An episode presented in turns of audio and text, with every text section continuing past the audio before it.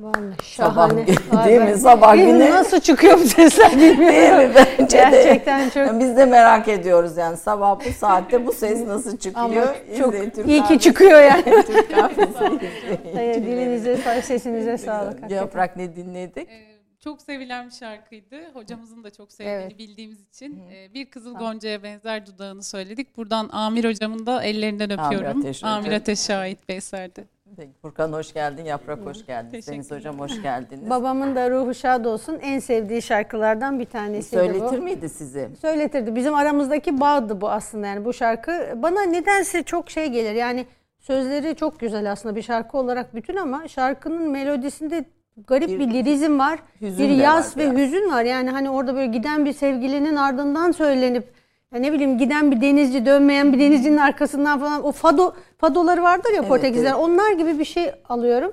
Ee, zaten Yaprak Hanım'ın sesi de Biraz ona yakın. biraz öyle geldi evet. Yani Biz oraya doğru bir gidiş olabilir. Ben ben yaslandım sen sohbete devam et ben burada bırakıyorum diyeceğim. Niye e, babanız size böyle müzik konusunda ısrar ederdi? E, yani şimdi babam müziği çok severdi. Zaten biz çok müzik seven bir aileyiz. E, sabahleyin erkenden herkes kalkardı. Annem de çalıştığı için ve ilk iş radyoda müzik açılırdı. Ablam zaten klasik piyano eğitimiyle e, müziğe başlamıştı. Ben tabii biraz daha ailenin haydutu olduğum için hep top peşinde koşan, sokakta futbol oynayan, basketbol oynayan, oradan oraya fırtına gibi bir kızdım. Ablam biraz daha uslu. E, işte hep Rol müzik, model. Rol model. Tabii çok dersleri çok başarılı. Hala da çok şahane bir kadındır. Onu da burada şey yapalım yani. E, arada bir çekememezlik durumu var mı bilmiyorum. Yok yani e, çekemiyorum o ayrı mesele ama yani şey e, hakikaten Evet, çok e, hoş, Allah başımızdan eksik çok. etmesin şahane bir insandır. O da yani müzikle çok ilgiliydi. Sonradan o tabii klasik piyano eğitiminden sonra üniversite yıllarında İstanbul Teknik'te e, klasik Türk müziğine eğildi. İşte tambur çalmaya başladı. Kemençe e, e, çalmaya başladı, ne üflemeye başladı falan ve o dönemde üniversite konser şey e, korolarda arkada çalmaya başladı. Tabii örnek model ablam olunca müzikle ilgileniyor. İşte hep beraber bir de meşk etmeyi severdik. Yani ablam alır da hemen e, şeyle sofra başında erkek kardeşimle hep beraber e, şarkılar söylerdik. Yani hepimiz şarkıları biliriz Türk sanat müziğiyle ilgili. Fakat ben basketbol oynamak istiyorum ve e, önümü de açmak için babam müzikle de bir taraftan bağlantım olmasını istedi. Her şeyi bilerek yapmamızı isterdi. Onun için Bilge Özgen'le e, bir anlaşma yapmışlar. Dediler ki basketbol oynamak için o zaman lastik pabuç bulunmuyor. Bu spor ayakkabılara biz lastik pabuç derdik o zaman. Spor ayakkabı almamı istiyorsan sana dedi şey yap. Müzikle Müzik ilgilen. Müzik dersi ve ben Bilge Özgen'den e, şarkı, şan dersi aldım. Usul, makam, e, ud dersi aldım. Benim için özel bir ud yaptı Bilge Hoca. E, içine kendi adım kazı şahane bir ud yaptı falan. E, bir iki sene e, gittim geldim. Hoşuma da gitti. Alındı mı lastik pabuç? E, tabii alındı ama ba- basketbolumun önünü açtım o dönemde. Ama müziğe devam edemedim. Yani bu gerçekten hem emek isteyen bir şey. E, ya- şey yapmıyor. E, Çok yetenekli olabilirsiniz ama her gün düzenli egzersiz yapmadığınız zaman ses de tıkanıyor. Ama spor da böyle değil. Spor da öyle ama işte oraya çok küçük yaştan itibaren başladığım için yani zaten koşmak benim için şey ben hiç evde de durmazdım ki evde de odadan odaya hep koşardım. Yani şimdi de biraz o vaziyette bir türlü bitmiyor yani şey mutfaktan odaya oradan oraya. Yani hala ona şahidiz biz de. Evinde yemek yiyen insanlar olarak yani hiç oturmayan bir e, ev sahipliğinde var. Hala da bir taraftan üniversite, akademi devam ediyor. Evet. Spor ilgini artık tabii izleyici mahiyetinde. Vallahi arada bir oğlumla basket oynuyorum. Çok mızıkçılık yapıyorum. Katlanıyor çocuklar bana. itiş kakış basket oynuyorum arada. Evin e, bahçede. Kaç yıl sürdü sporla olan e, ilginiz? Yani üniversite son sınıfa kadar oldu. Çünkü hemen üniversite biter bitmez evlendim ve hemen hamile kaldım. Ee, 23 yaşında anne oluyorsunuz. evet 23 yaşında anne oldum. Ee, onun için de yani sporla eşim basketbolcuydu, profesyonel basketbolcuydu. Yani ondan sonra futbol federasyonuna geçti. Sonra yani hep sporun içinde Galatasaray'ın CEO'luğunu yaptı. Sporun içinde olduğumuz için e, şey yaptık yani hep spora hala e, yakın e, bir ilgimiz var. Ben e, yani eşimden daha meraklıyım ama ben eskiden beri Lütfü falan oturup böyle maçları seyretmezdi doğru düzgün. Ee, Ben eski ikincilik vardı onlar dahi seyrederdim. Onların puan tablolarını bilirdim falan. Çok meraklıyım. Şimdi de yani yurt dışına gittiğimde mesela ben güreş olsa güreş açar seyrederim. Tenis maçı seyrederim. Yani e, mutlaka bir spor bulurum izleyecek. Yani bu kadar spor ilgisi olan birisinin siyaset bilimi ve uluslararası ilişkiler gibi bir sahaya yönelmesi. Spor olsun diye diyeceğim. yani bu gerçek. Çünkü okurken e, Deniz Ülke Arıboğa'nın e, işte özgeçmişi ve hayatına ilişkin anekdotları eğitimden hoşlanmıyor. Eğitimci Evet, olmuş vaziyette. hani bu kadar koşturmanın içinde siyaset bilimi, uluslararası ilişkiler, terör, ulusal güvenlik gibi hem de böyle baba konularda akademisyen olmayı tercih ediyorsunuz. Ve çok iyi bir yönlendirme olmuş aileden diye düşünüyorum. Hayat biraz da böyle herhalde. Şimdi eğitimden hoşlanmıyor dedin ya bak o çok önemli bir ayrıntı çünkü ben hoşlanmadığım şeyleri değiştirmek için o eğitimci oldum. Yani benim öğrencilerimle ilişkim e, benim hocalarımla ilişkimden çok farklı. Yani ben e, her dersimiz neredeyse stand-up tadında geçiririm. Öğrencilerimle interaksiyon halinde sürekli onları yönlendirerek. Yani benden nefret etmelerine neden olacak bir tavrım hiç olmadı. Bir kere anında sevgi bağı oluşur öğrencilerimle aramda ve ondan sonra da e, yani hocalığın şey olmaması lazım. Benim en büyük sıkıntım buydu. E, şimdi psikoloji de okuduğum için böyle bir takım egoların tatmin aracı haline gelmemesi lazım. Bir takım yeterli olmayan insanlar hasbelkader bir meslek olduğu için akademisyen olmuş, öğretmen olmuş ve hiyerarşik olarak kendinden aşağıda gördü. O sınıfta hani eğitici eğit- eğitilen arasındaki ilişki nedeniyle e, o gençlerin, çocukların üzerinde kurdukları baskı tahammül edilemez bir şey. Yani benim en büyük sıkıntım çerçeveye sokulmaktı. Ben hayatım boyunca sınırları hiç sevmedim zaten. Onun için de ben eğitimden değil sınırlardan hoşlanmıyordum. Yani sürekli bir takım yukarıdan indirilen bir takım kurallar. Şöyle davran, böyle davran. Annem de hatta hep şey der. Kızım sen bir vahşi at gibisin. Yani kimse seni alıp da ehlileştirmeye çalışmasın. Sen beygire dönersin, beygirliği de beceremezsin derdi. O, öyle bir şey var yani. Annemin hep söylediği bir şeydir o. Beni rahat bırakacaksınız yani. Ben ho- hocayken daha rahatım öyle söyleyeyim. Yani rahat bırakınca e, Türkiye'nin en genç e, e, rektörlerinden birisi oluyorsunuz. 40 yaşında galiba. E, 41 falanım galiba de- ama de- benden gençleri varmış. Üzülerek öğrendim Öyle mi sonra. sonra? Peki. Ama sonuçta hem kadın e, sizin rektör olduğunuz dönemde 9 kadın rektör falan Evet, var yani. o zaman e, Düzce Üniversitesi'nin rektörü de aslında vardı. O benden gençti. E, sonradan zaten e, genç erkekler de e, olduğunu biliyorum. Yani e, 30'lu yaşlarında rektör an- olanlar da oldu benden sonra bildiğim kadarıyla. Ama bu konuda e, gene de ilklerden e, İlklerden biriyim. Biz yine en genç olarak bilebiliriz. Aramızda kalsın. Aramızda o iyi oldu. Söylemeyeyim aramızda kalsın. Efendim e, Deniz Ülke Arıboğan bugün konuğum. Profesör Doktor Deniz Ülke Arıboğan diye bir tam titre olarak söyleyeyim. Üsküdar Üniversitesi İnsan ve Toplum Bilimleri Fakültesi dekanı e, ve aynı zamanda Oxford'da bir e, şimdi ben ismini- Krik. Klik diye bir Krik. E, Krik Center for the Resolution of Intractable Conflict. Yani aslında dinmeyen çatışmaları. çatışmaları. Dinmeyen çatışmalar nedir hocam? Çözümsüz e, çatışmalar herhalde. Çözümsüz çatışmalar çoğunlukla artık travmatize olmuş topluluklar arasında ve psikolojik olarak e, yani siyaseten çözümlenemeyen, içselleştirilmiş artık vakalar var. Yani uzun yıllardır süren artık toplumların e, jenerasyonlar boyunca birbirlerine aktardıkları falan konular oluyor.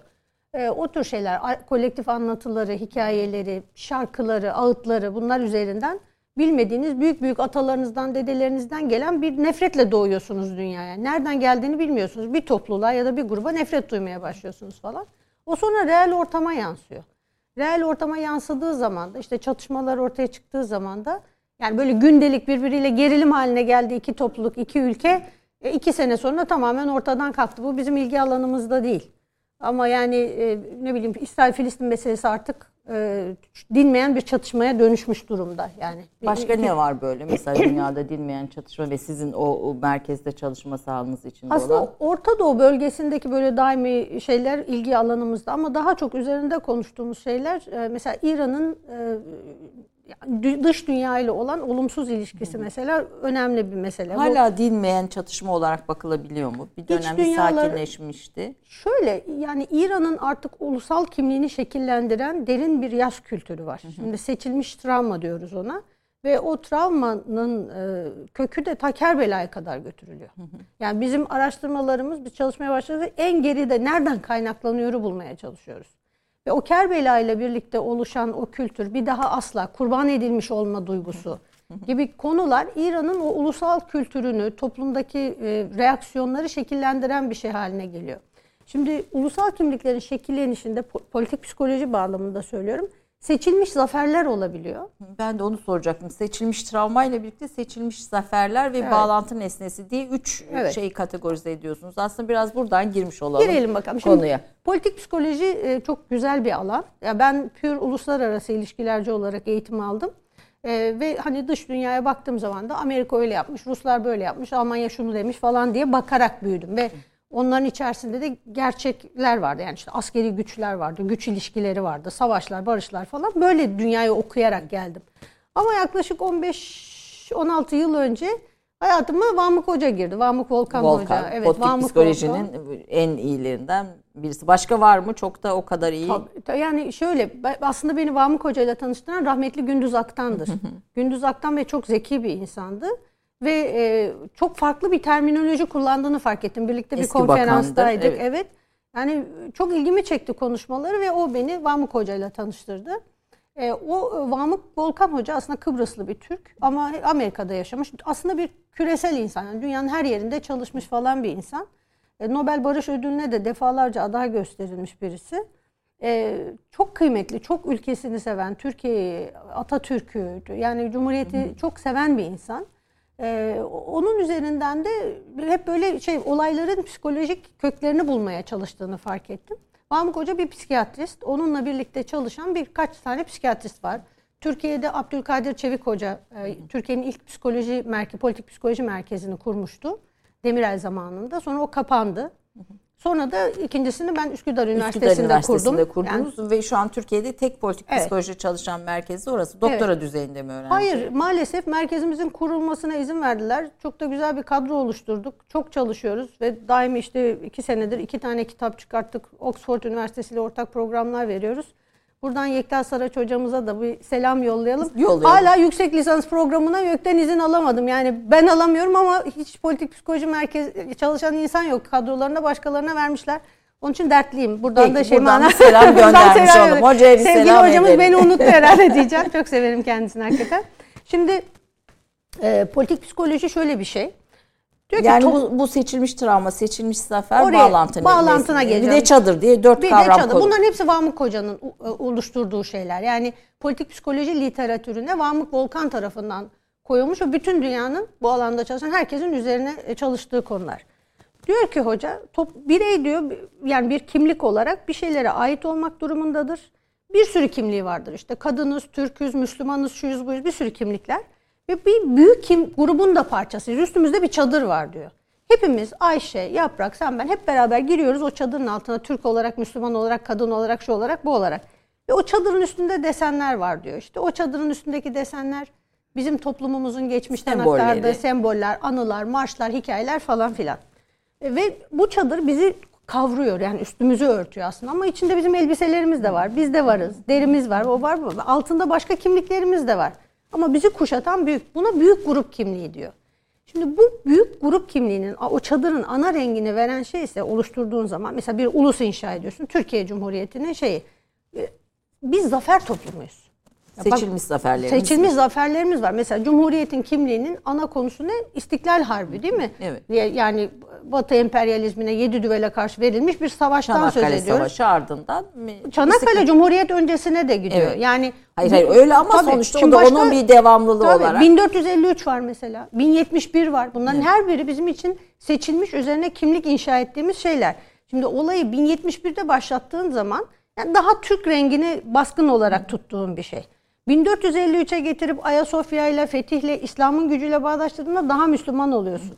Çanakkale'ye geldiğin zaman daha anti emperyalist oluyorsun ama İnönü savaşları işte İstiklal, İstiklal. Sakarya Meydan Muharebesi şusu busu ve Cumhuriyet devrimleri şunlar bunlar deyince daha seküler daha modern çağın Cumhuriyet kimliğine uygun bir anlatı üzerine inşa etmeye başlıyorsun. Ama nihayetinde biz e, yaz toplumu değiliz özünde. Yani bu şeydir yani İran'la farkımız olarak Tabii bunun altını Ermeniler mesela 1915 onların kimliğini belirleyen ana şeydir. Yani ne olduğunu artık anlatamazsın da reddediyor yani. Dünyanın nereye gitseniz yani soykırım olarak kabul ediyorlar ve önüne istediğiniz kadar belge koyun. Çünkü ondan vazgeçiş artık kimliğinden vazgeçiş. Vazgeçemez. Aslında acısını seviyor.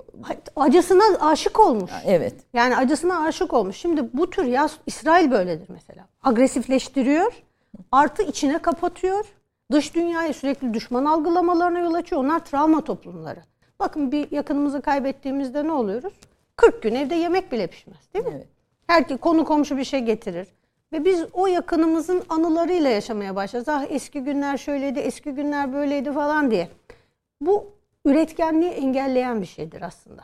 Yani bir yandan bir öfke vardır, kaybın verdiği öfke. Öbür yandan içeriye ve geçmişe kapanma vardır.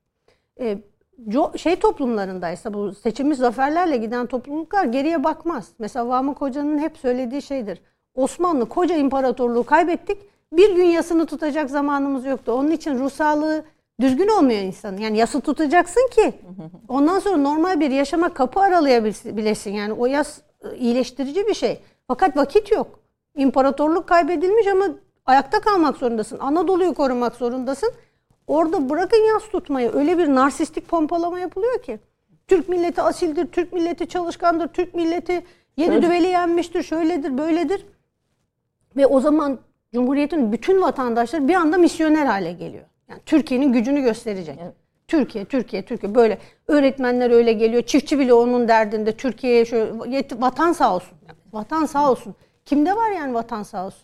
Sadece bizde olan bir, bir tanım. O kadar önemli ki bak diyoruz ki bir karış vatan toprağı için bin tane Mehmet şehidi olabilir. Feda olsun vatan için diyorsun değil mi? Bu, bu kültür olarak geliyor. Yani bir başka toplu Amerika'da bu yok. Neden biliyor musun? İmparatorluk parça parça parça gidiyor. Topraklarımız gidiyor ve yasını tutuyorsun. İmparatorluğun merkezi Balkanlar aslında. Evet. Yani o Anadolu Osmanlı'nın merkezi gitmiş. Anadolu'yu artık hayatta tutmak zorundasın. O kadar kıymetli ki. Yani o senin kimliğinin parçası. Toprağını koruyacaksın. Başka bir şey önemli değil artık. Sadece toprak. Burada seçilmiş zaferler par- ba- bu arada pardon yani Alaska'yı Ruslar Amerika'ya 7 küsür milyon dolara satıyor. Koca Alaska 7 küsür milyon dolara satılmış. Yani bugün Boğaz'da ev alamazsın. Onun için şey, kızların çeyizi olarak alınıp satılmış, verilmiş yani Avrupa'da topraklar. Şimdi bizde olur mu öyle şey? Ar- bu, kıymetli bu, bir şey. bu kült- kültür veya Tabii. yaşam parkı ama şimdi bir reklam arasına gitmem gerekiyor. Seçilmiş travma değil seçilmiş zaferdir Türk toplumunun Evet. özü ve buradan bakmak gerekir diyorsunuz. Ama bazı toplumlar işte İran gibi İsrail gibi seçilmiş travmalar üstünden millet ve ulus in- inşasını bu önemli bir fark. Burada bağlantı nesnesi ve bu politik psikolojik okuma bize bugüne dair nasıl bir şey getiriyor, bir bakış getiriyor? Buradan ne anlıyor anlamamız gerekiyor? Yani bu şeyleri üst üste koyarak bu katmanları e, gördüğümüz şeyleri nasıl yorumlamamız gerekiyor? Reklamdan sonraya bırakalım. E, ondan sonra reklam sonrası hemen de bir özgeçmişinizi de dinleyelim. Aslında başarılarınızı, kitaplarınızı. Efendim bir reklam arası.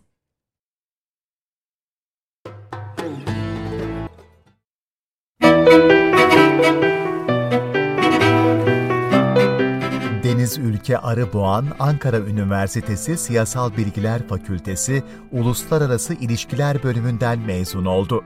Yüksek lisans ve doktorasını İstanbul Üniversitesi'nde tamamlayarak 1995 yılında İskoçya'da bulunan St. Andrews Üniversitesi'nde Terörizm ve Uluslararası Güvenlik Okulu'nu bitirdi. İstanbul Üniversitesi Hava Harp Okulu ve Harp Akademilerinde dersler verdi. 2007-2010 yılları arasında farklı vakıf üniversitelerinde rektörlük ve mütevelli heyet üyeliği görevlerini üstlendi. 2016-2017 yılları arasında Oxford Üniversitesi St. Anthony's College'da misafir öğretim üyesi olarak görev yaptı. Profesör Doktor Deniz Ülke Arıboğan hala Üsküdar Üniversitesi İnsan ve Toplum Bilimleri Fakültesi Dekanı ve Üsküdar Üniversitesi Politik Psikoloji Merkezi Müdürü olarak akademik çalışmalarını sürdürmektedir. Politik psikoloji perspektifinden güvenlik meselelerinin incelenmesi ve çatışmaların barışçıl yöntemlerle çözümü konusunda çalışmalarını yoğunlaştıran Arıboğan, bu amaçla kurulan uluslararası ve disiplinler arası bir çalışma grubu olan International Dialogue Initiative Yönetim Kurulu üyesidir. Aynı zamanda Dünya Sanat ve Bilimler Akademisi üyesi olan Arıboğan, Oxford Üniversitesi CRIC merkezinde de kıdemli üyedir. Yayımlanmış çok sayıda ulusal ve uluslararası makalesi ve kitabı bulunmaktadır. Kitaplarından bazıları şunlardır. Çin gölgesinde Uzak Doğu Asya, Geleceğin Haritası, Uluslararası İlişkiler Düşüncesi, Dil insanı konuşur, Tarihin sonundan barışın sonuna. Büyük resmi görmek ve duvar. Son olarak doçent doktor Hadiye Yılmaz Odabaşı ile birlikte editörlüğünü yaptığı Pandeminin Psikopolitiği kitabı yayımlanmıştır.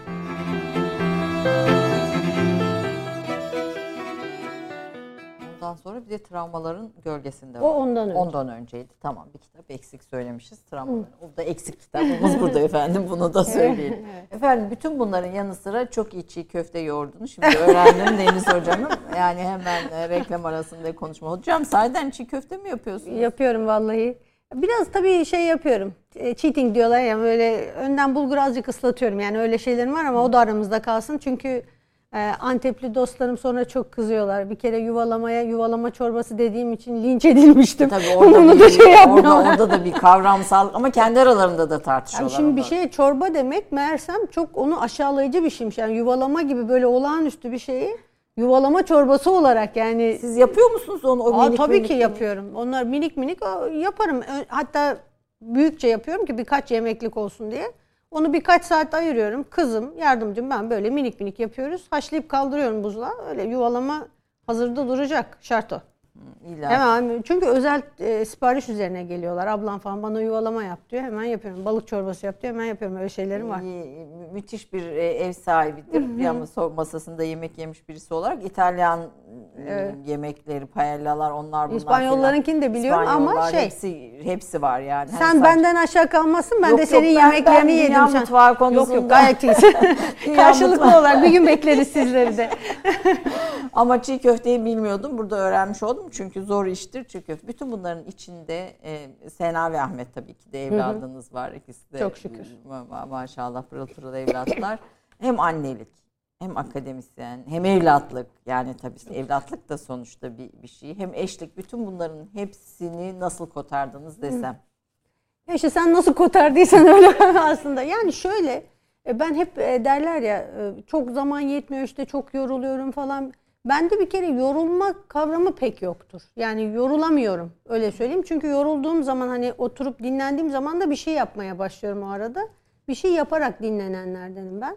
E, artı misafir çok severim. E, yalnızlığı hiç sevmem. Hemen e, sofram dolsun isterim. Yoldan geçerken uğrar insanlar zaten ne yemek var deyip yoldan gelen çok arkadaşım vardır. Öğrencilerim vardır. E, okulda da iş yerinde de yapıyorum. Ama Evde börek yaptırıp getirip böyle çay partileri falan yapıyoruz. Seviyorum öyle şeyleri. Ra- konu zaten oradan açıldı. Rahmetli Toktamış Ateş Hoca ya çiğ köfte yoğurmuştum diye. Ya, o ekolün O yemeği de severdi Toktamış o Ateş yani Hoca. aynen öyle. Bizim bir de şeyimiz vardı. Yani hocanın canı isteyip saat 12'de ciğer istedi. Bütün hep beraber bindik arabaları ve Edirne'ye ciğer yemeye gittik. Yani İstanbul Üniversitesi. Yani şehir dışı. Tabii yani Toktamış Hoca Allah rahmet eylesin. Ben, akademinin bir de bu tarafı. Bu yemeği akademinin bir de böyle. Beynimiz çalışması Lazım, lazım. Tamamen tabii. akademik gailelerle yapılmış şeyler onlar. Ee, Ankara'da mülkiyede okudunuz. Evet. Ankara siyasalda okudunuz. Sonra İstanbul'a geldiniz. Bir fark görmüş müydünüz? Gördüm. İstanbul, Ankara ve İstanbul siyasal arasında. Çok gördüm hatta onu sıklıkla söylerim. Şimdi biz mülkiyede okurken yani o- dönemde e, siyasal bilgiler fakültesine girmek gerçekten çok zordu. E, Başka yani sosyal bilimlerde bir numaraydı. E, ve hepimiz de ya Dışişleri Bakanlığı'na girmek ya Başbakanlığa girmek. Bir kısmı Mi- MİT'e girmek isterdi. Bir kısmı işte Hazine Müsteşarlığı'na girmek ister falan. Hayallerimiz hep devlette bir pozisyona girmek. Yani mülkiyede gelenlerin hepsi ve Anadolu'nun dört bir yanından gelirdi. Daha ziyade İstanbul'dan falan gelen kolejli arkadaşlar Dışişleri Bakanlığı arzusuyla gelirdi. Ben de hariciyeci olmak için yani orayı tercih etmiştim. Ee, çünkü o zamanlar dış ülkelere gitmek falan çok zordu. Hayatımda da görmemiştim henüz yurt dışını. Yani o bir özgürleşme ve yurt dışını görme arzusu yani oradan kanal açacaktım. Niyetim oydu yani aslında. Yine bir özgürleşme arayışı vardı. Sonra İstanbul'a asistan olup geldiğimde öğrencilerde falan konuştum ama hiç böyle şeyler görmedim. Yani hepsi işte çok uluslu şirketlerde çalışmak istiyorlar. Onu yapmak istiyorlar, bunu yapmak Daha istiyorlar. özel Böyle- sektör. Çok özel sektör olduğunu gördüm. Yani çok nadir de aradan ben de dış işlerine gireyim, şöyle yapayım, olur mu hocam diyenler. Onlara o perspektifi de hep vermeye çalıştım. E, Şunu gördüm ama yani Washington New York arasında da böyle bir fark vardır Amerika'da. Yani New York başka bir e, anlam dünyasına sahiptir şehir olarak. Ankara başkadır. Ankara'nın ruhu diye bir şey vardır Evet, ya. evet. Orası devlettir. Orada devlet yönetilir. Yani para e, liberal ekonomide değilse yani devletin yönlendirdiği ekonomisi para Ankara'da daha boldur. Evlerin fiyatları artar olur olur. Yani Ankara finansal da merkez olmaya başlar. Liberal bir ortama geçildiğinde sistem rahatladığında İstanbul'da başlar zenginleşme ve hareket e, şey eğilimleri. Aynı şey Amerika'da da geçerlidir. Onun için hani e, İstanbul'un ruhu, anlam dünyası, gençlerin beklentileri daha ziyade e, özel şirketlere, uluslararası şirketlere falan yönelikti. Hatta müfredatlar ona göre yapılandırılmıştı. İster istemez mesela burada daha çok ekonomi, işletme, finans derslerini sokarsınız uluslararası evet. ilişkiler bölümlerine. Şimdi ben tabii Üsküdar Üniversitesi'nde birazcık daha devlet merkezli bir müfredat e, yapıyorum. Çünkü devletin istihdam olanakları daha fazla artacak önümüzdeki dönemde. Yani dünya satında devletin yeniden bir ekonomik aktör olarak dünya sistemine döndüğünü düşünüyorum 2008-2009 kriziyle birlikte. yıpratılmaya çalışmasıyla tabii, birlikte. Tabii. Yani şey şimdi küreselleşme ve küreselleşme ideolojisi devleti sistemin dışına attı aslında. Dedi ki devlet küçülsün, her alandan çekilsin, kitler özelleşsin. Yani bütün dünyadan söz ediyorum.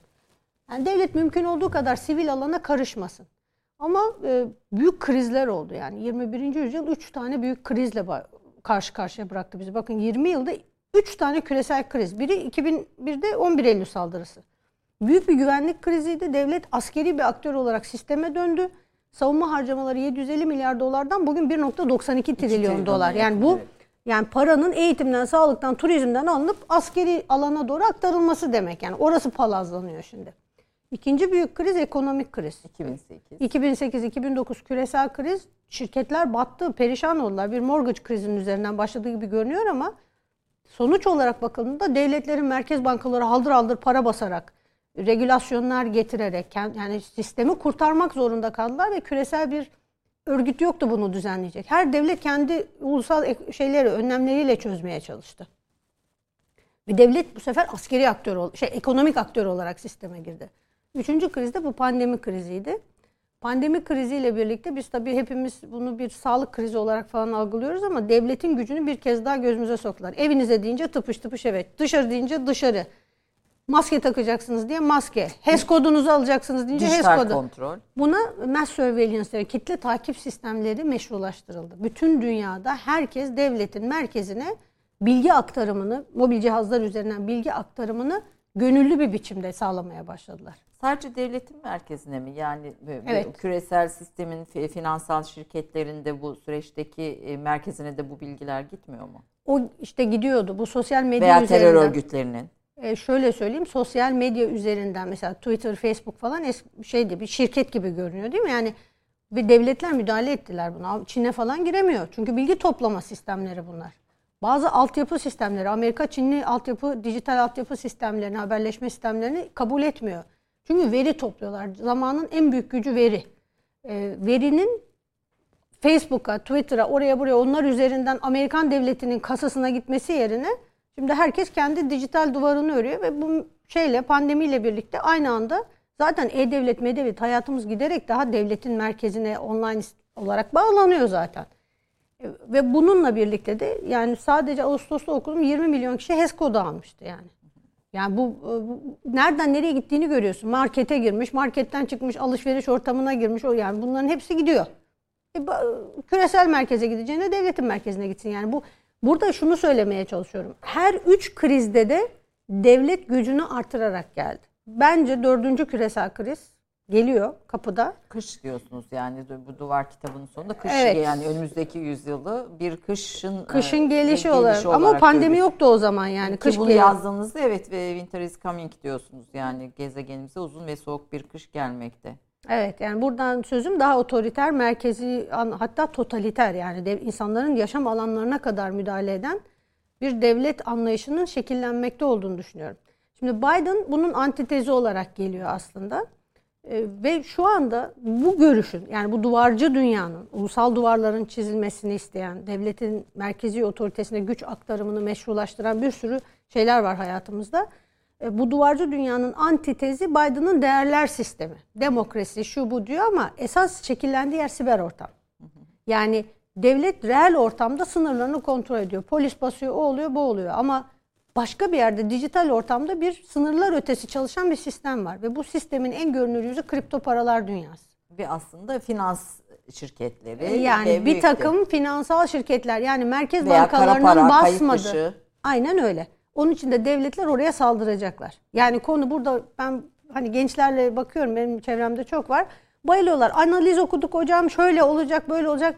Yani burası finans değil, burası ekonomi değil. Yani siyasetle ekonomiyi siyasetle yönlendiriyorsunuz. Bakın yani Rusya ile çok iyi ilişkileriniz olabilir. Yatırım yapıyorsunuz, o oluyor, bu oluyor. Hiç akla hayale gelmez. Pat diye uçak düşüyor. Ne yapacaksınız? Ya da bir anda iki başkan arasında müthiş bir gerilim oluyor. Herkes birbirine şey koymaya başlıyor, kota koymaya başlıyor. Yatırımınız orada. Milyar dolar Rusya'ya yatırım yapmışsınız ve hayalinizde "Ay, en güzel inşaatları siz yapıyorsunuz. Niye size kötülük etsinler? Ediyor. Yani onun için siyasetten bağımsız bir ekonomi okuması yapamazsınız. Kripto dünyası da siyasi müdahale edilecek olan bir alan zaten başladı. Çin başladı, dünyanın çeşitli yerleri yasaklamalar başladı.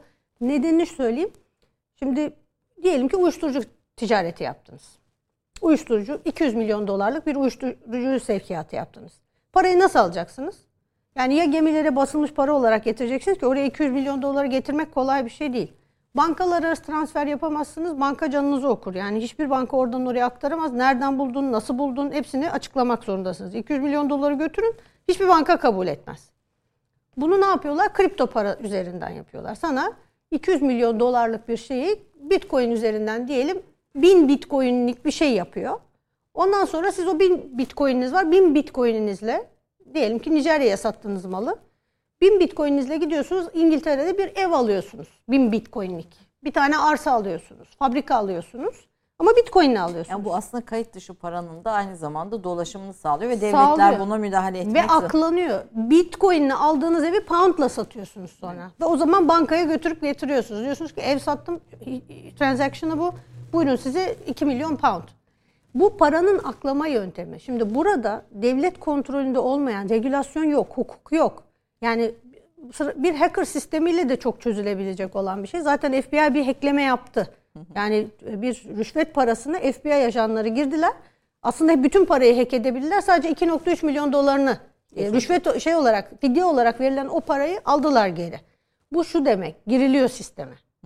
Yani bu bunu şey yapıyorlar. Onun için gençler şimdi anlamıyorlar ama bence dördüncü küresel kriz dijital alanda gelecek ve çünkü dijital alan devlet kontrolünün en minimum olduğu alan.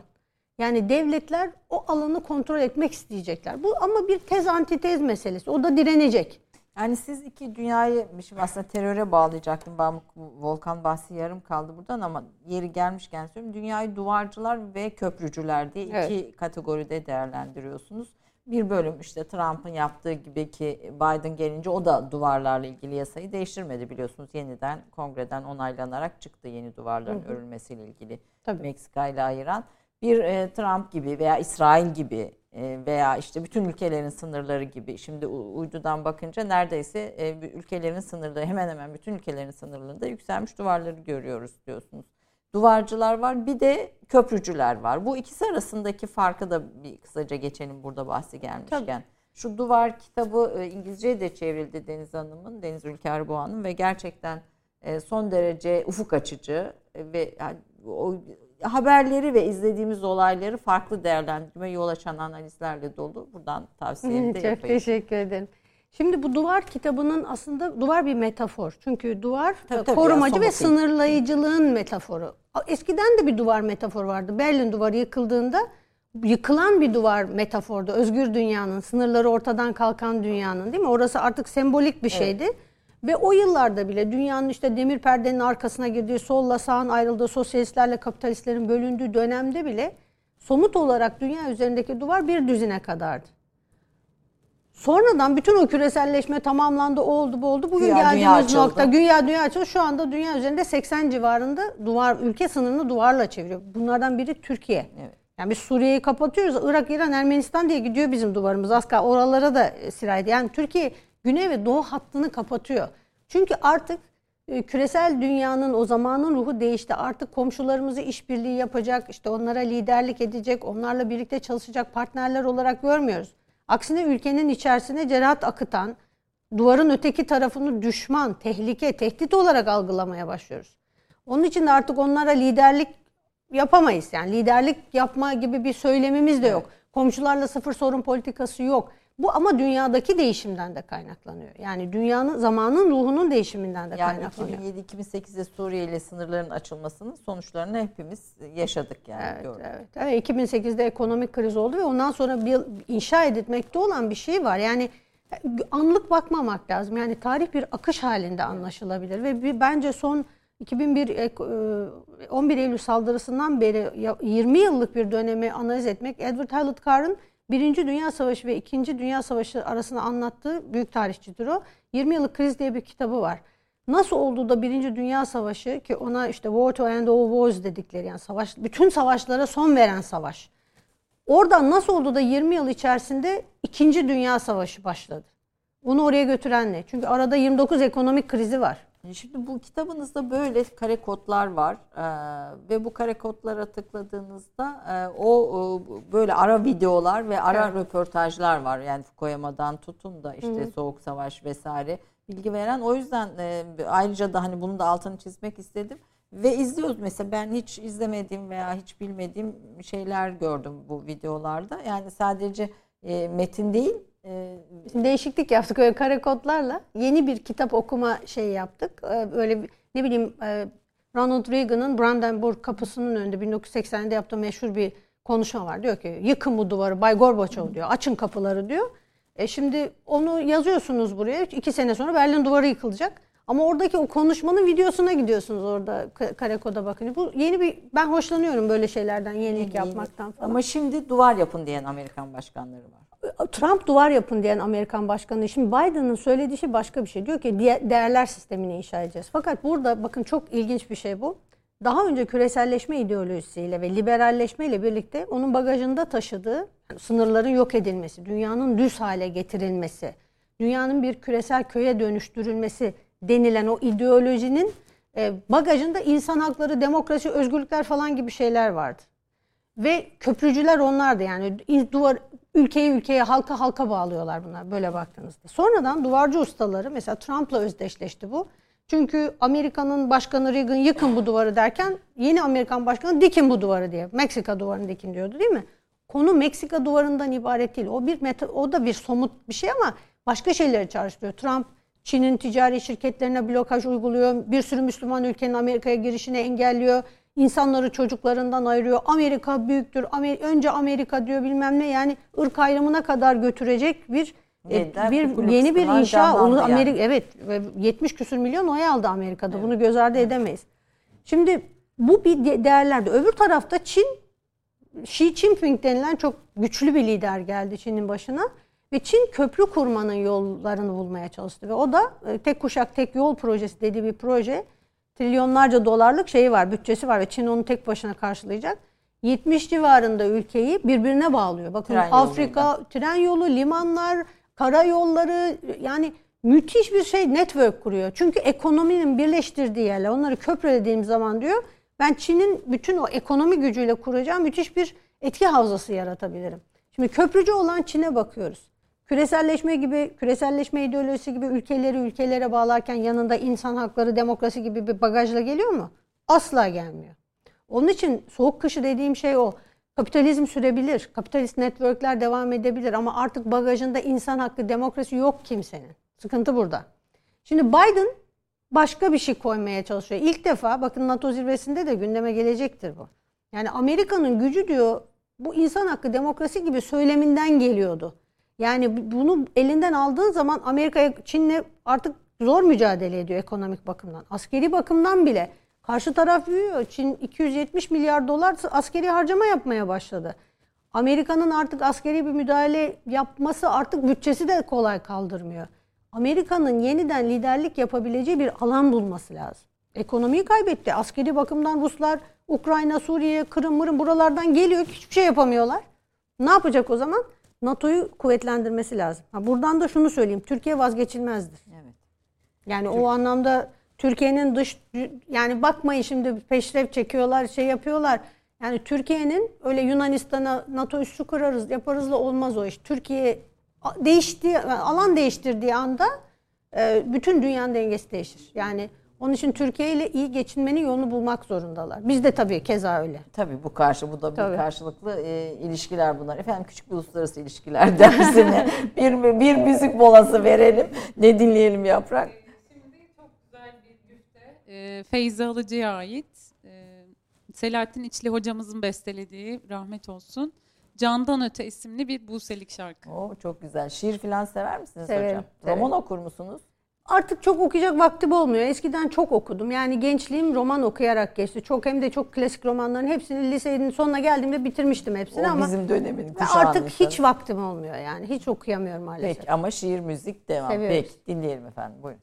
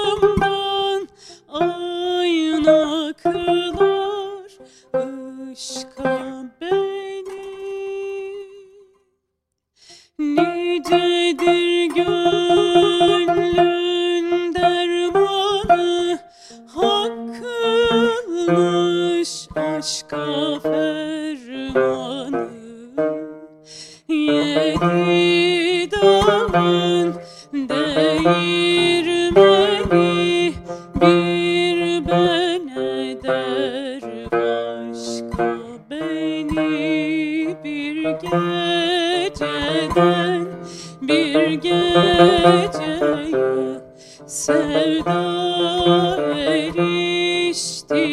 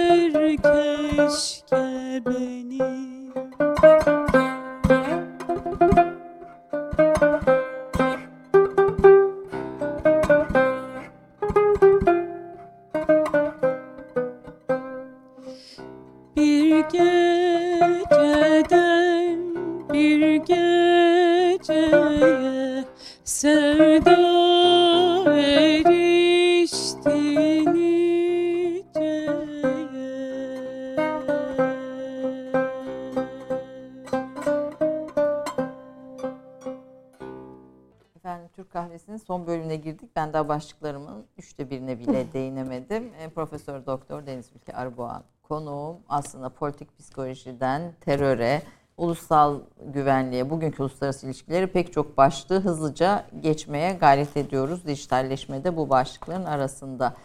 Tüm bunlarla başlarken bir şey söylemek istiyorum. Yani akademide sonuçta işte şirketlerde, toplumda, yönetim kademelerinde hep erkeklerle dolu. Yani hayat böyle bir şey. Sen bir şey diyorsun, pozitif ayrımcılıkla ilgili bir şey söylüyorsun ama herkesin alışık olmadığı başka bir şey söylüyorsun. Bir onu senden dinlemek istiyorum. Yani şimdi hayatımızın her aşamasında biraz kariyer yapan kadınların karşı karşıya kaldığı şeyler bunlar. Ee, yönetim kurullarında kadın projesinin içindeyim. Yönetim kurullarında daha fazla kadın olması gerektiğini destekleyen, ona inanan bir grubun içindeyim. Onların mentoruyum. Ve e, bir toplantıda söylemiştim bunu. Temel mesele kadınlara pozitif ayrımcılık yapılması değil. Yani liyakatsiz kadınları, yeteneksiz, yeterli olmayan kadınları sırf kota koyarak ön plana çıkartmak değil. Temel mesele binlerce yıldır liyakatsiz erkekleri hak etmedikleri yerlere getiren o erkeklere uygulanan pozitif ayrımcılığın bitirilmesi. Erkek dayanışması mı desek? Erkek yani öyle bir şey ki sanki hep kadınları işte yönetim kurullarına alalım, vali yapalım, onu yapalım, bunu yapalım dedikçe kadınlar liyakatli olmadan oraya gelecekler diye söylüyorlar. Ya liyakatsiz kadını getirin demiyoruz. Liyakatsiz erkekleri oradan alın. Biz zaten oraya yetenekleri sokmayı başarırız. Zaten Erkeklere uygulanan pozitif ayrımcılığa son diyoruz. Efendim, evet. Binlerce yıldır yapılıyor bu. Bununla mücadele etmemiz Evet Türk lazım. kahvesinin sloganı bu olabilir yani. Erkeklere yapılan Değil mi? pozitif- Haksız mıyız ama? Kızlar dayanışması yapalım. evet, erkeklere yapılan pozitif ayrımcılığa son diyelim. Ee, şimdi e, nereden başlasam diye hızlıca görüyorum. Çin de sizin çalışma sahalarınızdan birisi. Bu seçilmiş travma, Van e, Volkan'ın politik psikoloji e, kavramları üzerinde giderken Çin'i motive eden ulusal travma utanç yüzyılı Afyan Savaşı diyorsunuz. Bugün içinde halen devam ediyor mu? O bir, o, o bir yüzyıllık yaşanan trajedi. Şimdi tabii Çin'in durumu çok ilginç. Yani Çin'de gel- olan gelişmeleri mutlaka politik psikolojik bağlamda incelemek lazım. Çünkü şimdi Deng Xiaoping'in ilkeleri vardır. Yani Çin'i uzun yıllardır e, yöneten ilkeler bunlardır. Onlar der ki gücünü gösterme, e, durumu sez, bekle, etrafı izle ve asla kendini gösterme üzerinden bahsedilen bir şey. Şimdi e, Xi Jinping, Çin'in yeni başkanı göreve geldiğinden beri Çin olağanüstü bir ağırlık koyuyor dünya siyasetinin merkezine yani Pasifik'e doğru artık bastırıyor. Zaten bütün bu karmaşanın sebebi de Çin'in yeniden kafasını doğrultması. Uzun yıllardır ekonomik olarak düzenli dünyanın en çok büyüyen ülkesi ve fakat askeri bağlamda yatırım yapıyor. Siyasi bağlamda müthiş bir etki alanı oluşturmaya başlıyor ve Çin'in dünyanın en büyük artık gücü haline gelmeye başladığından söz ediyoruz. Şimdi buradaki sıkıntı şu. Çin'i bu kadar motive eden, bu kadar Xi Jinping'in ortaya çıkıp 2018'di galiba çıktı. Dünya Ekonomik Forumu'nda 2017'de olabilir. E, dedi ki işte zamanların en iyisiydi, zamanların en kötüsüydü. Charles Dickens'ın o iki şehrin hikayesi kitabından bahsediyor işte. Bu zamanların en iyisi ve zamanların en kötüsü aynı zamanda. Köprüler kurmalıyız, bu ekonominin yayılmasını sağlamalıyız falan. Dünya Ekonomik Forumu kapitalizmin zirve noktası. Adam Dünya Komünist Partisi'nin lideri, dünyanın en büyük komünist partisinin lideri ve hala öyle. Gidiyor Dünya Kapitalist Forumu'nda diyor ki benim ilkelerimle dünyayı şey yapalım. Birleştirelim, Düzeltelim. Şimdi ediyor. enteresan. 1800'lü yıllarda Britanya, Çin, Hind'in Çin bölgesini sömürgeleştirildiğinde Çinliler birkaç kez ayaklanıyorlar. Özellikle afyon üretimini ve afyon kullanımını yasaklatmak istiyorlar. Çünkü gençleri perişan oluyor Çinlilerin ve afyon kendi aralarında 40 milyona çatışma yakın çıkarıyor falan. insanı afyona alıştırdıkları söyleniyor. Zorla biri Aynen. böyle satmak için zorla uyuşturucuya alıştırıyorlar. Çinliler de buna karşı direnmeye çalışıyorlar. İngilizler iki kere yeniyorlar bunları ve afyon kullanımını sürdürüyorlar. Ve e, ondan sonra da Japonların bir Mançurya şeyi var. Na- anlaşmanın adı da Nankin Anlaşması. Yani Çin'le e, Britanya arasında yapılan uyuşturucu zorlama anlaşması. Japonlar Mançurya üzerinden e, girince Çin'e doğru e, İkinci Dünya Savaşı'nın hemen öncesi Nankin'de büyük bir katliam yapıyorlar falan. Yani ve Çinliler bu 100 yıllık dönemi 1800'lerin ortalarından 1950'lere kadar olan Çin Halk Cumhuriyeti'nin kuruluşuna kadar olan dönemi utanç yüzyılı olarak görüyorlar. Çünkü kendilerine yapılan bütün eziyetlere, baskılara rağmen koca Çin İmparatorluğu kafasını kaldıramamış. Perişan edilmiş bir halktan söz ediyoruz. Perişan etmişler. Ondan sonra ama tabii Çin Halk Cumhuriyeti, komünizm kendisini dışarı çıkarıyor. Yani kendini Batı emperyalizminden korumanın yolu olarak aslında o komünist duvarları çekmişler uzun süre. Yani kendi içinde rehabilite ediyor kendini. Sağlığına yeniden kavuşmaya çalışan bir şey. Ve kavuşup açınca tıpkı Japonların Meiji restorasyonu gibi. Onlar da böyle 200 küsur yıl kapatıyorlar. Sonra bir açıldıklarında 1900'lerin başına 1800'lerin sonunda açılıyorlar. 1900'lerin başında Rus ordularını perişan ediyorlar. 1904-5 e, savaşında. Bu yani bir anda ne kadar büyüdüklerini görürler. Çin de aynı şekilde. Kapalı kapalı kapalı şöyle açıldığı andan itibaren içinden ne çıktığını herkes hayretle izliyor. Yani muazzam bir şey çıkıyor. Komünist, sefil, insan haklarına aykırı, işte günde 100 dolara çalışan bilmem ne derken Şanghay çıkıyor, Beijing çıkıyor. Bütün Ekonomide. dünyanın ekonomi şeyi çıkıyor, fabrikası çıkıyor. E, Afrika'yı bir bakıyorsunuz birkaç on yıl içerisinde bütün Afrika Çin olmuş Öyle aslında. Ele evet. geçirmiş. Her yerde ağırlığı var. Akdeniz dengelerini bile belirleyici role soyunmuş. Dünya kapitalizminin zirvesini domine eden bir aktöre dö- dönüşmüş. Yani karşı karşıya olduğu şey bir utançtan çıkan ve bir zafer inşa etmeye çalışan bir o agresivite aslında bastırılmış agresiviteyi içinde barındıran bir ulus. Şimdi bunu iyi göreceksiniz. Yani çok haklı bulabilirsiniz. Almanya'nın Versay sonrası Almanya'nın hali gibiler. Beni onun için çok endişelendiriyor. Şimdi Birinci Dünya Savaşı'ndan sonra bize sevri imzalatamadılar. Biz istiklal halbimizi verdik. Rövanş alacak bir şeyimiz de kalmadı. Yani biz zafer toplumuyuz onun için söylüyorum. Ama Almanya Versay'a mecbur bırakıldığı için İkinci Dünya Savaşı'nı çıkartmak zorunda kaldı. Hitler'i doğuran şey o Versay Anlaşması'dır. Hiçbir halkı onursuzluğa mahkum edemezsiniz. Bakın bu devlet devlet bir halk olabilir, minorite azınlık olarak da olabilir. Bizim hep çatışma çözümlerinde yani barış süreçlerinde falan gördüğümüz, kullandığımız şey. Oturuyorsunuz bütün bu çatışmalı ortamlarda insanları karşınıza alıyorsunuz. İşte eğer problem ekonomikse ekonomik taviz vererek, işte somut bir şeyse bir toprak alanıysa toprak alanını düzenleyerek falan problemleri çözebiliyorsunuz. Ama insanların masasına onur, kimlik oturduğu zaman karşı taraf taviz vermiyor. Paramı da al diyor. Toprağımı da al diyor. Ben bunun savaşını vereceğim sana. Yani şunu diyemezsiniz. Ben sana yemek veriyorum ya işte. Bak niye o kadar yemek verdim hala niye yapıyorsun? Yemek istemiyor, sofraya oturmak istiyor. Seninle birlikte karşılıklı sohbet ederek birlikte daha az yemek yiyebilir. Ama kapta yerde verilmiş yemeği reddediyor. Şimdi bunlar çok önemli şeyler. Ulusal onur denilen şey çok önemli bir şey. Ulusları agresifleştirebiliyor, acayip sakinleştirebiliyor. Savaşçı hale getirebiliyor, acayip barışçı hale getirebiliyor. Yani o onurun nasıl şekillendiği, o ulusal kimliğin nasıl motive edildiği çok önemli bir şey geliyor. Mesela bu- senle biraz önce konuşuyorduk. Kusura bakma. Teröristlerin de böyle bir motivasyonu İşte var. onu çünkü. geçecektim terör örgütlerini. Bu araya bir küçük Rusya almak istiyorum. Son toplantılarda, son bu Oxford'da ve uluslararası merkezlerde yaptığınız toplantılardaki başlık ne? Ne konuşuyorsunuz mesela akademisyenler olarak orada? Şimdi en son mesela e, benim çok ilgimi çeken şey çok standart şeyler de konuşuluyor ama sosyal medya üzerinden büyük geniş kitlelerin e, nasıl manipüle edildiği üzerine konuşuluyor. Bayağı burada teknik ayrıntılarını vererek makineler çalıştırılmış görüyorlar. Şimdi Batı dünyasında, Avrupa'da, Amerika'da sosyal medya üzerinde herhangi bir kısıtlama yok. Yani herhangi biri girip oradan tweet atabiliyor, Facebook kullanabiliyor, Instagram'a paylaşım yapabiliyor. Ama Doğu dünyasında mesela Çin'de yasak bunları kullanmak. Rusya'da hemen baskı uygulanıyor. Yani öyle rahatlıkla Rus halkını manipüle edemiyorsunuz. Hemen anonim hesaplara falan blokajlar geliyor. Yani devlet bunu koyuyor. Devlet koyuyor. Şimdi öbür tarafta Batı tarafı boş olduğu için şeyi tespit etmişler. Rus istihbaratının nasıl bütün Avrupa'ya anti Müslüman ve anti Türk aslında böyle bir şey de var. Enteresan. Bunu sağlamak için çok yoğun bir biçimde özellikle göçmenlere karşı falan da böyle nasıl toplumu coşturdukları. Mesela bir hırsızlık olmuş mutlaka içerisine bunu işte Fas'tan gelen bilmem kim yaptı. Suriyeli bilmem ne göçmeni yaptı falan diye bilgiler koyuyorlar. Şunu tespit ediyorlar. Aynı IP adresinden, aynı bilgisayardan 12 ayrı dilden tweet atılıyor. İran Fa- Farsça atıyor, İngilizce atıyor, Türkçe atıyor ve her birinin için kullandığı isim farklı. Burada Ayşe, öbür tarafta Hans, öbür tarafta işte John bilmem ne böyle atıyor tweetleri. Ve siz bunu gerçek insan zannediyorsunuz. Bir takım resimler kullanıyorlar falan. Ve toplumun bütün psikoloji nasıl manipüle edileceğini çok iyi biliyorlar. Yani öfkeleneceği zaman linçler oluşturuyorlar. Burada mesela çok ilginç bir şey söyledi. Bütün, dünyanın birçok yerinde bot hesaplar kullanıyorlar. Bot hesap şey demek makine yani Makine, gerçek evet. değil. Ya da anonim hesap bir kişi, üç kişi, üç tane, beş tane atıyor. Türkiye'de öyle bir kültür var ki Türkiye'de bot kullanmaya ihtiyaç duymuyorlar çoğunlukla. Halk zaten gönüllü bot gönüllü yani Türkiye'deki kanaat önderi gibi şekillenmiş özellikle medyadan falan insanlar da var burada tabii çok geniş takipçili insanlar.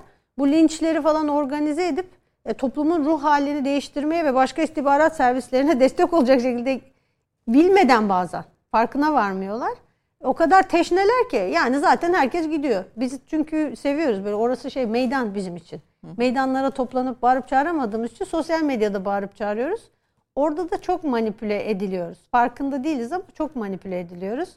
E, çok iyi bilen bireysel psikolojileri, toplumsal psikolojileri çok iyi bilen istihbarat servisleri alıyor oradan oraya buradan buraya böyle döndürüyorlar. Yani bu pandemi konusunda da sağlık konusunda da 3-4 hesapla ilgili mesela öyle e, şeyler geldi. Bu aşı karşıtlığı filan hesaplarında bile bu dediğiniz bot hesaplar var. Var o işte onlardan etkilenen normal hesap da oluyor. Onun da nasıl yapılacağını biliyorlar. Yani bir 30 saniye varsa anlatayım. Yani diyor ki mesela Ayşe Böhürler'le ilgili 3-5 kişi oluşturuyorlar. Bazısı bunların gerçek kişi bile değil. Sürekli seni överek yaklaşıyor.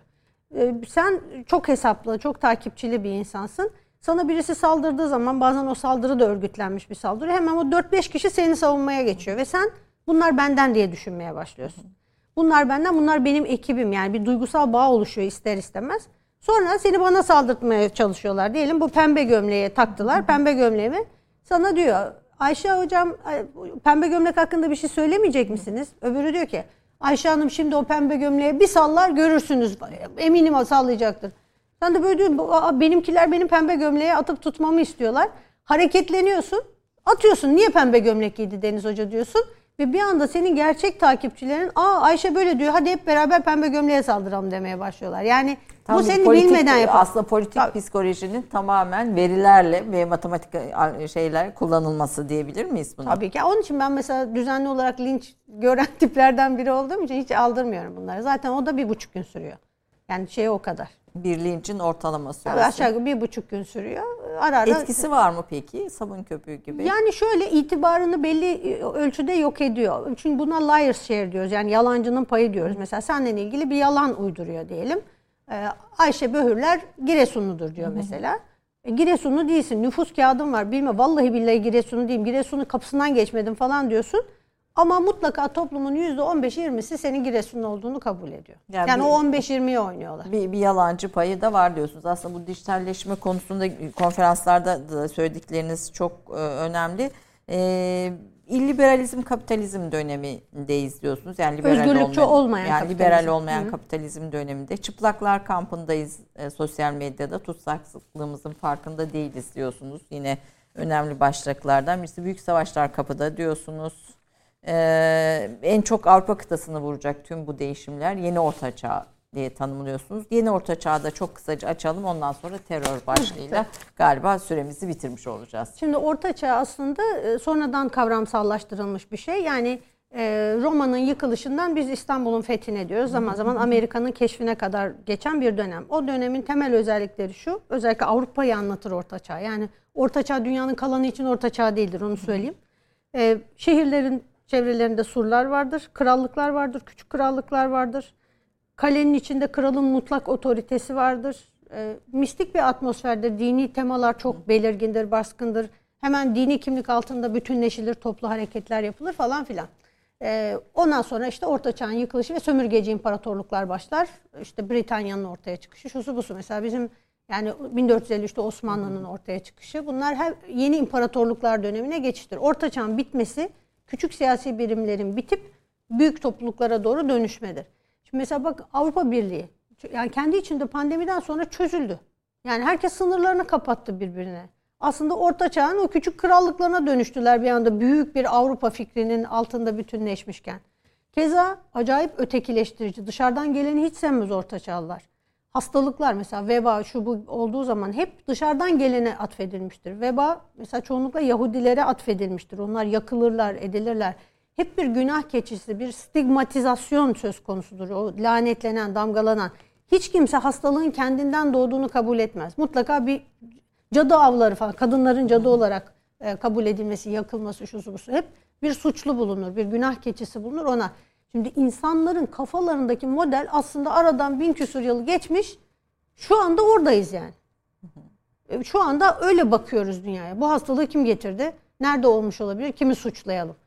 Kendi dinimizden olanlara birleşelim. Kendimizden olmayanları şey yapalım. Yani sokak Çin, Çinlilere karşı hatta çekik gözlülere karşı dünyada PÜV'ün araştırmaları var. Öyle büyük bir öfke ve nefret var ki inanılır gibi değil. Yani Çin'den nefret edenlerin oranı Avustralya'da falan yüzde seksenleri geçmiş. Japonya yükselmiş. öyle inanılmaz. Kanada'da yüzde yetmişleri bulmuş. Yani e, bir şey oluşuyor. Bu pandemi üzerinden büyük bir politik psikoloji savaşı var. Yani Trump başlattı bunu ve oluşturdu kafasında. Şimdi bundan sonra Çin'e yönelik tazminat şeyleri başlayacak. Yani üretilen hikayeler üzerinden. Çünkü Çin'in gücünü kırmanın yollarından biri de bu. Çin mallarına ipotek koyma, Çin'e yaptırım uygulama, Çinlileri kötü olarak algılatma.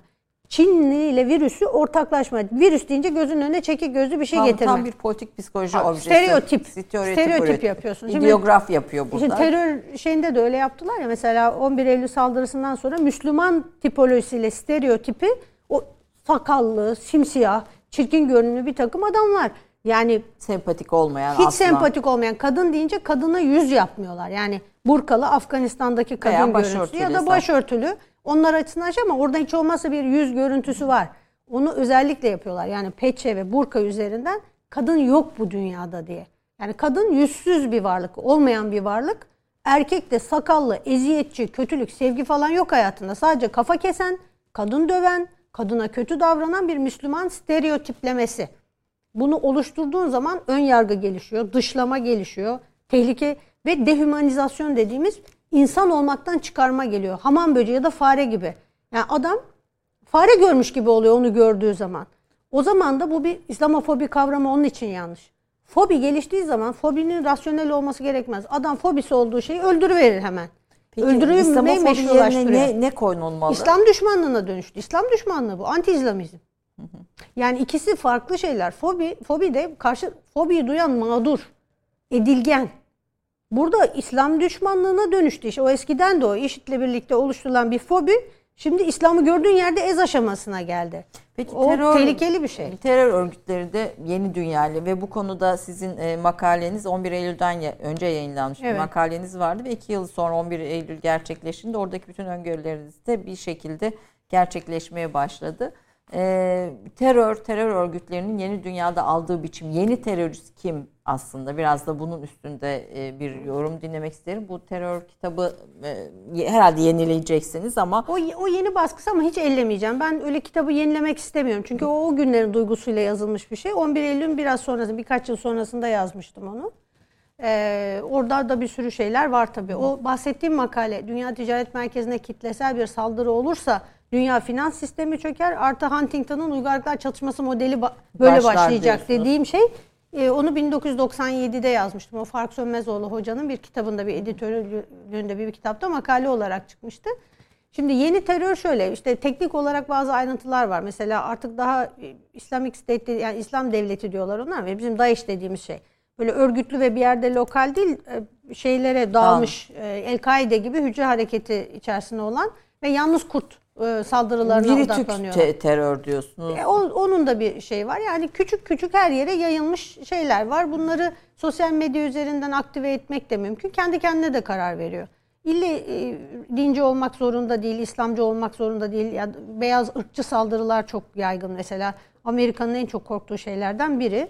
E, aynı şey Avrupa'da da yani ırkçılık, neonazilerin e, yeniden örgütlenmeleri falan söz konusu. Filipinler'de falan o taraflarda Asya'da komünizm e, odaklı bir takım örgütler var. Onların saldırılarından Yeni terör için kimliksiz terör tanımını kullanıyorsunuz. Aslında kimliksiz terör değil, kimliği var. Fakat yani kendine göre biçilmiş kimliği var. Ben şöyle söylüyorum yani kimlik bir bizim kendimizi nasıl tanımladığımızla ilgili bir de dışarıdan nasıl tanımlandığımızla ilgili. Yani bir e, mesela El-Kaide ya da IŞİD savaşçısı kendisini bir kere terörist olarak tanımlamaz. Onun adı cihatçıdır. Evet. Onun arzusu insanlığa ve dünyaya iyilik yapmaktır. Yani o baktığın zaman ben kötülük yapıyorum diye bakmaz terörist. Ama bizim dışarıdan baktığımız şey masum insanları öldüren bir terörist. Bir şey agresif e, ve psikopat olması beklenir diye düşünüyoruz. Bu arada yapılan araştırmalar teröristlerin e, mental problemleri olmadığını, psikopat falan da olmadıklarını gösteriyor aslında. Yani Ve dikkatimi çekti o konudaki e, şey sözünüz e, aile ilişkisine bağlayan araştırmalar var değil mi? Var. Terörist. Kim terörist oluyor yani? 1970'lerden beri bu araştırmalar yapılıyor. Aslında ta Freud'a dayandırıyorlar. İşte Freud e, insan psikolojisini e, Eros ve Thanatos olarak ayırdığı için bir saldırgan yıkıcı duygu var insanın içinde diye söylüyor. Psikodinamik kuramlar hep bu geçmişinde şu var mı, babasıyla ilişkisi nasıldı, ödipal kompleksi var mı bunlar üzerinden bakıyor ama bu tarafa geldikçe yani 70'leri 80'lerle birlikte artık kişinin e, e, psikolojisiyle ya da biyolojisiyle ilgili değil. Mesela daha çok sosyal kimlik kuramları üzerinden bu büyük kimlik grubu. Bir bir şeye ait olma, bir şeyin parçası olma. Artı hissedilen, algılanan bir adaletsizlik hissi. Bunlar garantili şeyler. Yani kendini adalet ve halkını adaletsizliğe uğramış olarak hissediyor. Hepsi. Ve kendini savaşçı olarak görme. Hiçbiri kötü bir şey yaptığını düşünmüyor. Asker gibi davranıyorlar. Bunlar asker gibi öldürdüklerini düşünüyorlar. Ve hep meşrulaştırarak, sosyal meşrulaştırma sağlıyorlar. Yani yapılan davranış bir sivil bile ölse yaptıkları eylemde onun bir nedeni var ve kutsal bir nedeni var. İnsan hayatından daha değerli bir nedeninin olması gerektiğini düşünüyorlar. E, Hepsi bir şeyleri koruyor. Hiçbiri saldırgan değil. Hep korumacı, savunmacı olduklarını düşünüyorlar. Ve o çok hızlı bir biçimde aidiyetsizlik problemini görüyoruz. Mesela IŞİD'e Avrupa'dan özellikle katılan o yabancı savaşçılar birçoğu e, Müslüman değil de onların ço- çoğu sonradan Müslümanlıklarını edinen falan bir sürü insan çıktı içlerinde. Aile yok. Modernizmin, postmodernizmin hatta getirdiği yapayalnızlık duygusu. Bir grubun içerisine girdiğin zaman yaptığın bütün hatalarda seni kucaklayacak bir insan grubu var. Annenin göstermediği şefkati terör lideri gösterebiliyor. Ya da arkadaşın gösterebiliyor. Senin için ağlıyor. Şimdi bu bunu sağlayabilmek eskiden tabii şimdi bizim gibi muhafazakar topluluklarda iyi kötü bir kültürel bağ var. var, aile. Mahalleliyle, aileyle, annesi, dedesi, ninesi herkes bir ailedir yani bizde. Şey araştırmalarda okuduğumda sizin e, sanırım bir yazınızda vardı şey e, e, istismar edilmiş ebeveyn yani çocuğu tarafında e, çocuğun istismar eden ebeveyn ilişkisi terörist kimliğinde etkili bir e, şey e, O var yani işte o e, çok eskiden e, gelen şeyler e, var da Mo- Demos'un falan e, fikirleri bu. Çocuk istismarı üzerine e, aman çocuklara dikkat, dikkat diyor. edin. Hani şeyler vardır yani birisi bana bir çocuk verin siz de aynı çocuktan hekim de çıkartırım, dilenci de çıkartırım Brodus'un. Ee, böyle şeyler var. O, o dinamik ama o çok bu aralar popüler değil onu söyleyeyim. Yani bunun üzerinde çok araştırma yaptılar. Çok farklı sosyal koşullardan geliyorlar. İstismar olması şart değil. Etkileyebiliyor. Ailede kayıpların olması etkileyebiliyor. Yani kendi ailenden birini kaybettiğin zaman e, isyan duygusuyla o tarafa doğru kayıp kaymalar oluyor. Onun için terörist öldürmenin terörizmle mücadeledeki en büyük hata olduğu söyleniyor yani. Ee, yani kimlik meselesi aslında terör e, meselesi içinde can damarı. Terörün arkasında ne var ona bakmak gerekir diyorsunuz Tabii aslında. sırf görünmeyen. siyasi değil, siya, sırf askeri değil. Yani bir tane öldürüyorsunuz, beş tanesiyle karşılaşıyorsunuz. Onun için politik ve psikolojik yönüne eğilim göstermeden, onu tamir etmeden alınacak askeri önlemler ters etkide yapabiliyor. Geçici e, rahatlama sağlıyor. Sonrasında daha azgın, ağacı budamak gibi. Dalı kesiyorsun, daha güçlü bir şekilde çıkıyor. Devletler bu politik psikolojiyi kullanıyor mu? kullanıyorlar artık kullanıyor. Ben bizde de var yani yani bizde politik psikolojiyi çok iyi bilen insanlar var. Bunlardan bir mesela İbrahim Kalın'dır. Ee, Hakan Fidan'ın da bu işlerle çok ilgilendiğini bildiğini biliyorum. Yani genel olarak Türkiye'de şey var. Yani politik psikoloji ekolünü izleyen, takip eden insanlar, İnsanlar, var. yöneticiler var. Aslında tabii e, başka şeyler de e, konuşacaktım ama süren maalesef burada bitti. Son bir şey eve gideceğim. Bugün pazar günü pazar menüsünde ne var? Vallahi dünden kalan yemekleri yiyeceğiz öyle söyleyeyim. Dün misafir ağırladım bitmedi. Tandır falan var evde. Yani Onu- iyi iyi fena değil. var var bir de yaprak sarma falan var. Onlar içimde kaldı. Dün koşturmaktan yiyemedim. Yem- tamam. Peki Kalan- bugün, artanı bugün yemeyi çok özel bir seviyorum. menü bir fikir Evet, çıkar yok, pazar çıkmıyor. günü evde oturan Türk kahvesi izleyicilerimiz acaba bir yemek fikri çıkar mı diye. şey- Misafir sonrası artık yemek kadar zevkli bir şey olamaz. O böyle küçük küçük kaplarda var böyle çıkarıyorsunuz ya onları yapacağım Biz- bugün. Biz bir ara karşı e, komşum çok sevdiğim bir arkadaşım da aynı zamanda Ramazan'ın son günü artık yemek iftarı yapıyorduk. Şahane yani bir şey. yani o gerçekten ayrı bir lezzet. Efendim çok teşekkür ediyorum. Ben teşekkür Hem bu ederim. kıymetli çalışmalar, e, rol model olmanız, birçok öğrenci yetiştirdiniz. Bizde konuk ettiğimiz birçok kişi var burada. Sizin oturduğunuz kol- koltukta sizin talebenizdi. E, hocaların hocasısınız artık. Evet, yani bu bu şey e, hem bilginiz İyi mi kötü mü bilmiyorum ama artık o Yok, hale geldi yaş ilerledi. her zaman Çok te- tecrübe kıymetlidir. E, İnsan yetiştirmek kadar güzel bir şey yok. Çok çok teşekkür ediyorum lütfettiniz, katıldınız ama bütün bu başlıkların hepsi ayrıca tekrar açılmalı. Benim notlarım da önümde duruyor. Belki bir başka zaman tekrar bir devam söyleşi de yaparız inşallah. Çok tekrar teşekkür ediyorum Türk Kahvesi izleyicileri adına. Yaprak bir son eser.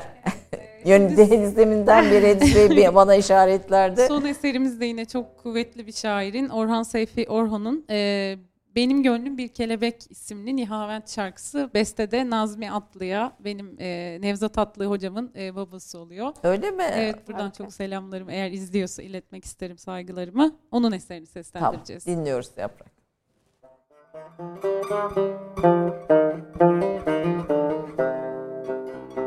Benim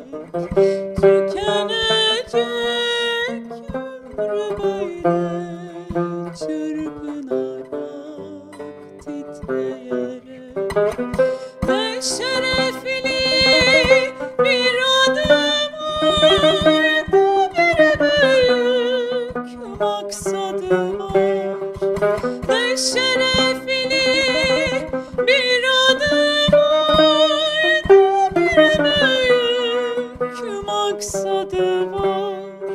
Her gün biraz sedeleyen iki ipek kanadı var